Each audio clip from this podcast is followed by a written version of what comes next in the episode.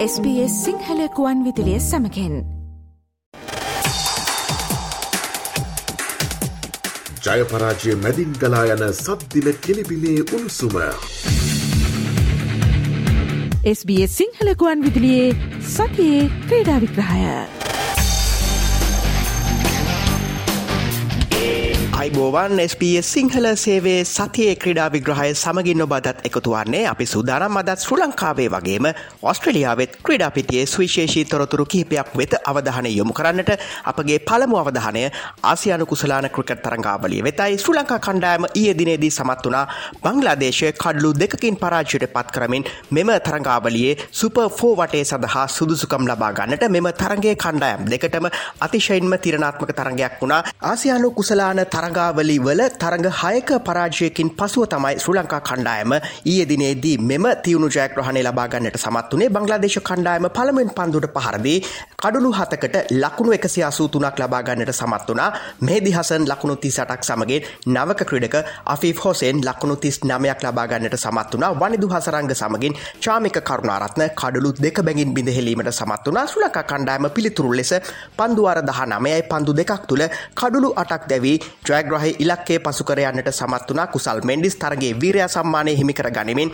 පන්දුතිස් සතක් තුළ ලකුණු හැටක් ලබාගන්නට සමත් වනා නායක දසුංශානක පන්දු තිස්තුනකදී ලකුණු හතලිස් පහක් ලබාගත්තා ශ්‍ර ලංකාවට අවසන් පන්දුවාරය තුළ ජයග්‍රහණය සඳහා ලකුණු අටක් ලබා ගැනීමට නියමිතව තිබුණා. එහිදේ අසිත ප්‍රනාාන්දු ජයග්‍රහහි ලකුණ සුලංකා වෙනුවෙන් වාර්තා කරන්නට සමත් වනා මෙහිදී බංගලදේශ කණ්ඩායම ලබාදුන් අතිරේක ලකුණු සංඛ්‍යාව ශ්‍රී ලංකා කණ්ඩායමේ ජයග්‍රහණයට ස්තීරනාත්මක සාධකයක් බවට පත් වනා වයිට් පන්දු අටක් සමගින් නිපන්දු හතරක් බංගලාදේශය වෙතින් යොමු වෙද්දී ශ්‍ර ලංකාව තමන්ගේ පන්දු යැවීමේදී කිසිදු වයිට් පන්දුවක් හෝ කිසිදු නිපන්දුවක් යොමු කළේ නැතිවීම මෙම තරගේ ශ්‍ර ලංකාවට යම් වාසිදායක තත්ත්වයක් බවට පත් වනා එය අනු ආසියානු කුසලාන තරංගාවල ඉතිහාසේ කණ්ඩායමක් හබා ගොස් ජයගත් ඉහළම ලක්ුණු සංඛ්‍යාව ලෙසයි මේ වාර්තා පොත් අතරට එකතු වන්නේ. ශ්‍ර ලංකාවේ දෙවන ඉහළම හබා ගොස් ජයගත් තරගේ ලෙසත් මේ වාර්තා පොත් අතරට එකතු වෙනවා. මේ ජයග්‍රහණය තරගයක් සමගින් ශ්‍ර ලංකා කණ්ඩායම සුපෆෝ වටේට පිවිසින්නට සමත් වනා ශ්‍ර ලංකාව ඉන්දියාව සහ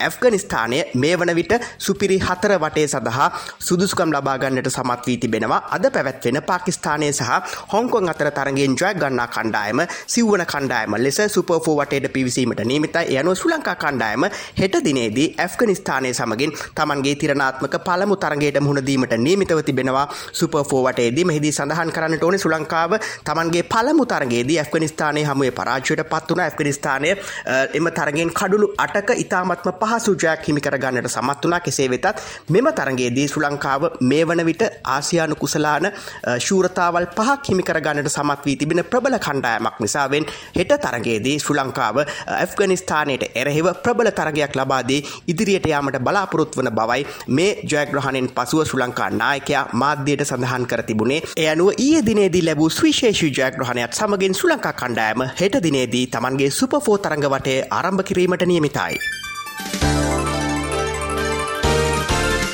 SBS සිංහල සේවේ සතියේ ක්‍රීඩා විග්‍රහයෙන් අපි මිල්ලඟට අවධානය යොමු කරන්නේ ශ්‍ර ලංකා වයිස දහ නමෙන් පහල ක්‍රිකට් කණ්ඩායමේ එංගලන්ත තරඟ සංචාරය වෙතයි.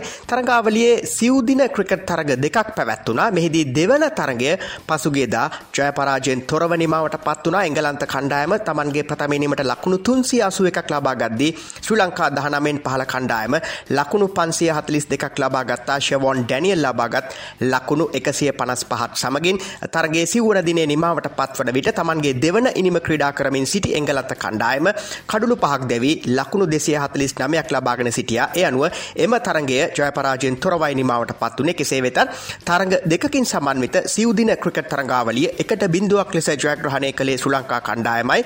පළමු තරගෙන් සුලංකා වයිස දහනමෙන් පහල කණ්ඩායම කඩුළු තුනක විශිෂ්ට ජයග්‍රහණයක් හිමිකරගත්තා තමන්ගේ දෙවන ඉනිමේදී ජයග්‍රහණය සඳහා ලකුණු දෙසිය හැත්තෑ තුනක ඉලක්කයක් හඹාගේ සුලංකා කණ්ඩා කණ්ඩායම කඩුළු හතක් දැවී එම ඉලක්කේ පසු කර යන්නට සමත් වන එය අනුව සිව්දින තරංගාවලිය ශ්‍ර ලංකාව ජයග්‍රහණය කලා ඉන් අනතුරුව පැවැත්වෙනවා තරග තුනකින් සමන්විත එක්දින තරංගාවලිය. එම තරංගාවලිය පළමු තරගය සැත්තැම්බර් පස්වනදා පැවැත්වීමට නේමිතයි මෙම වයිස දහනමෙන් පහල කණ්ඩායමේ නව පුහුණු කරුවා ලෙස පත්කර තිබෙන්නේ ජිහන් මුබාරක්. ශ්‍ර ලංකා දහනමෙන් පහල කණ්ඩායමේ නායකත්වය ගෙන කටයුතු කරන්නේ කොළඹ නාලන්දා විද්‍යාලයේ රවින්දි සිල්වායි. ඔබෙක් වී සිටින්නේ SBS සිංහල සේවේ සතියේ ක්‍රඩා විග්‍රහය සමගින් අපි දැන් සූදානම් වන්නේ තවත් දේශය ක්‍රඩාපුවත් කිහිපයක් වෙත අවධානය යොමු කරන්නටයි. ජාතික ක්‍රඩා සභාවේ සභාපති අර්ජුන රණතුංග මහතාගේ මැදිහත්වීමෙන් ශ්‍ර ලංකා ක්‍රිකට් ආයතනයේ නිලධාරින් හත් දෙනෙකුට එක්සතරාබේමි රාජ්‍යයේ දැනට ක්‍රියාත්මක ආසියානු කුසලාන ක්‍රිකට් තරංගාවලියට නියමිත වේලාවට සහභාගිවීමට අවස්ථාව නොලැබූ බවට පුවතක් පසුගේ දිනවල වාර්තා වුණ අර්ජුන රණතුංග මහතා සඳහන් කරන්නේ ශ්‍ර ලංකා ක්‍රිකට් ආයතන නිලධාරින් හත් දෙනෙකු මේ සඳහා පිටත්වයාම තුළ අති විශාල මුදලක් වැෑවන බවයි ව්‍යාපාරික පන්තියේ ගුවන් ප්‍රවේශපත්‍රයක් තරු පහේ හෝටලයක නවාතැන් වගේම දිනකට ඇමරිකාන් ඩොල හයසිය පණහක දීමනාවක් මේ එක් නිලධාරයකුට ගෙවන නිසාවෙන් මේ මුදල කොයි ආකාරෙන්ද වැෑවන්නේ කියන කාරණාව පිළිබඳව ජාතික ක්‍රඩා සභාව සොයා බලන බවයි ඔහු සඳහන් කර තිබෙන්නේ. වගේම සත්කාරකත්වය සුලංකාවෙන් ගිලිහියාම පිළිබඳවත් විශේෂ පරීක්ෂණයක් සිදු කළ යුතු බවත් අර්ජුන අනතුංග මහතා සඳහන් කරනවා කෙසේ වෙත ශ්‍ර ලංකා ක්‍රිකට් ආයතනය සඳහන් කරන්නේ ශ්‍ර ලංකාවේ සත්කාරකත්වයෙන් එක් සතරාබිය මිල් රාජ්‍යයේදී මේ තරංගාවලිය පැවැත්වෙන නිසාවෙන් ඒ රාජකාරි කටයුතු සඳහා මේ අදාළ නිලධාරින් පිටත්වයාමට සිද වූ බවයි. මේ අතර දොළොස්වන ආසියානු කුසලාන දැල්පන්දු තරංගාවලිය හෙට දිනේදී සිංගප්පූරුවේදී ආරම්භවීමට නියමිතයි. මේ සඳහා සහභාගී වන සුලංකා කණ්ඩායම පසුගේදා දිවයිනෙන් පිටත්ව ගියා. කෙසේ වෙතත් මේ කණ්ඩායම තෝරා ගැනීමේදී අර්බුදකාරී තත්ත්වයක් මත වුණා. ක්‍රඩිකාවන් දෙදෙනෙකු තෝරා ගැනීම සම්බන්ධයෙන් තමයි මේ අර්බුදය නිර්මාණය වුණේ. මේ කාරණාව සම්බන්ධයෙන් ජාතික ක්‍රඩා සභාවේ සභාපති අර්ජුන රණතුංග මහතාගේ මැදිහත්වීමෙන් විශේෂ සාකච්ඡාවටයක් පැවැත්වුණා. ඉන් අනතුරුව තමයි ක්‍රඩිකාවන් පහලොස් දෙනෙකු මේ තරංගාවලිය සඳහා පිටත්ව ගියේ. රටවල් එකොළහක සහභාගිත්වයෙන් මේ තරංගාවලිය පැවැත්වෙනවා. එහිදී ශ්‍ර ලංකාව තරඟ වදින්නේ ඒ කාණ්ඩෙන්. ඒ කාණ්ඩේ සඳහා ඉන්දියාව සහ පිලිපීනය ඇතුළත් වනවා. ශ්‍ර ලංකාව තමන්ගේ පළමු තරගයට හෙට දිනේදී ඉන්දියාව සමගින් මුහුණදීමට නියමිතව තිබෙනවා. මේ අතර දෙදහස් විසිතුන විසි හය ඉදිරි සිව්වසරක කාර්තුව සඳහා ජාත්‍යන්තර පාපන්දු සම්මේලනය තමන්ගේ සාමාජික රටවලට ලබා දෙන මූල්‍ය අධාර සියට විසි පහකින් වැඩිකර තිබෙනවා. එය අනුව ශ්‍ර ලංකාවට ඇමරිකාන් ඩොල මිලියන දහතුනක පමණ මුදලක් හිමිවීමට නියමිත බවයි වාර්තාවන්නේ මේ මුදල විශේෂ ව්‍යාපෘති සහ යටිතල පහසුකම් ප්‍රවර්ධනය කිරීමට යොදාගන්නා බව තමයි ශ්‍ර ලංකා පාපන්දු සම්මේලනය සඳහන් කරන්නේ. කෙසේ වෙතත් ශ්‍ර ලංකා පාපන්දු සම්මේලනයේ පරිපාලනය පසුගිය අගෝස්තුති තිස්සෙක් වනදායි නිමාවට පත් වනා ඉදිරි කාලසීමාවේදී පරිපාලනය සිදුවන ආකාරය පිළිබඳව සාකච්ඡා කිරීමට ජාත්‍යන්තර පාපන්දු සම්මේලන නිලධාරීන් හෙට දිනේදී ශ්‍ර ලංකාවට පැමිණීමට නියමිතව තිබෙනවා. ඔබෙක්වී සිටින්නේ SBS සිංහල සේවේ සතියේ ක්‍රඩා විග්‍රහය සමගින් අපි දැන් සූදානම් වන්නේ ඔස්ට්‍රලයානු ක්‍රඩාපිටිය වෙත අවධානය යොමු කරන්නටයි. දෙදහස් විසි දෙක ලෝක කුසලාන T20 තරංගාවලියට සහභාගී වන ඔස්ට්‍රලයානු කණ්ඩායම මේ වන විට නම් කර තිබෙනවා. ක්‍රඩකින් පහලොස් දෙනෙකු මේ සංචිතයට අයත්වනවා මෙහි විශේෂත්වය වන්නේ සිංගප්පූරුවේ උපත ලද නවක ක්‍රඩකෙකු වන ටිම් ඩේවිඩ් මේ කණ්ඩායමට ඇතුළත්වීමයි ඔහු ලෝවටා ලීක් තරංගාවලි රැසක් නියෝජනය කරමින් අදකින් බහුල ක්‍රඩ ක්‍රීඩකෙක් ඔහුව මේ කණ්ඩායමට ඇතුළත් කර තිබෙනවා. ඔහු මේ වන විට හෝබාට් කණ්ඩායම සමගින් තමයි ගිවිසුම් ගතව සිටින්නේ. ඒ අනුව මෙවර ලෝක කුසලාන ක්‍රිකට් තරංගාවලියට එකතුවන ඔස්ට්‍රලයානු කණ්ඩායම මෙසේ එරොන් ෆින්ච් නායකයා ලෙස කටයුතු කරනවා. David වෝන Mitchell Marsh Steven Smith Glenn Maxwell Marcus Stoinis Matthew Wade Tim David Josh Inglis Ashton Agar Mitchell Starc Pat Cummins Adam Zampa Josh Hazlewood සමගින් කේන් රිචඩ්සන් දෙදහස් විසි දෙක T20 ලෝක කුසලාන ක්‍රිකට් තරංගාවලිය එලබෙන ඔක්තෝම්බර් දහසේ වනදා ඔස්ට්‍රේලියාවේදී ආරම්භවීමට නියමිතයි.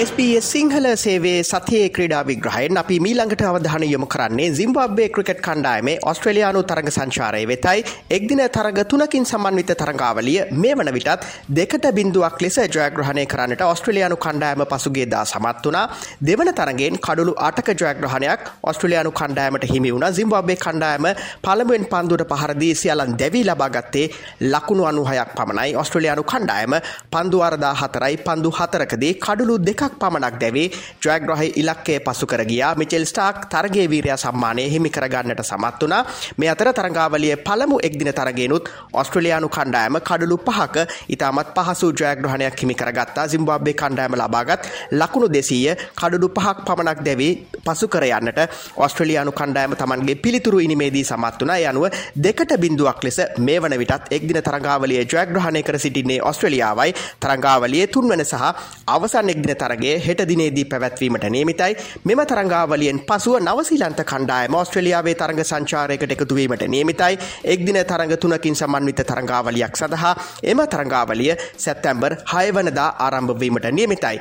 මේ අතර දැනට ක්‍රියාත්මක සිම්බාබ්බේ තරංගාවලිය අතරතුර මිචෙල් මාශ් ආබාධයකට ලක් වුණා. මේ හේතුවෙන් මේ තරංගාවලියෙන් වගේම ඉන් අනතුරුව පැවැත්වෙන නවසිලන්ත තරංගාවලියනුත් ඔහු ඉවත් කර තබන බවයි ක්‍රිකට ඔස්ට්‍රලියා ආයතනය සඳහන් කරන්නේ.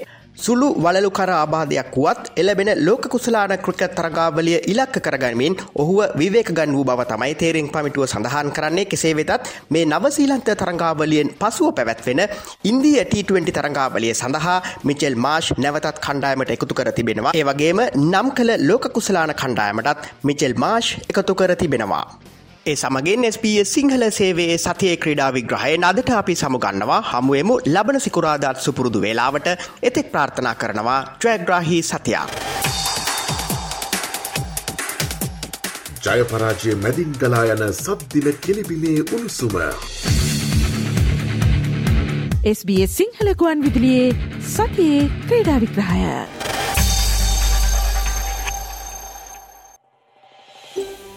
මේ වගේ තවත්තොරතුරු දැනගන්න කැමතිද. එහමනම් Apple podcast Google podcast Spotify ෆිහෝ ඔබගේ පොඩ්කාස්ට ලබාගන්න ඕනෑම මාතයකින් අපට සවන්දය හැකේ.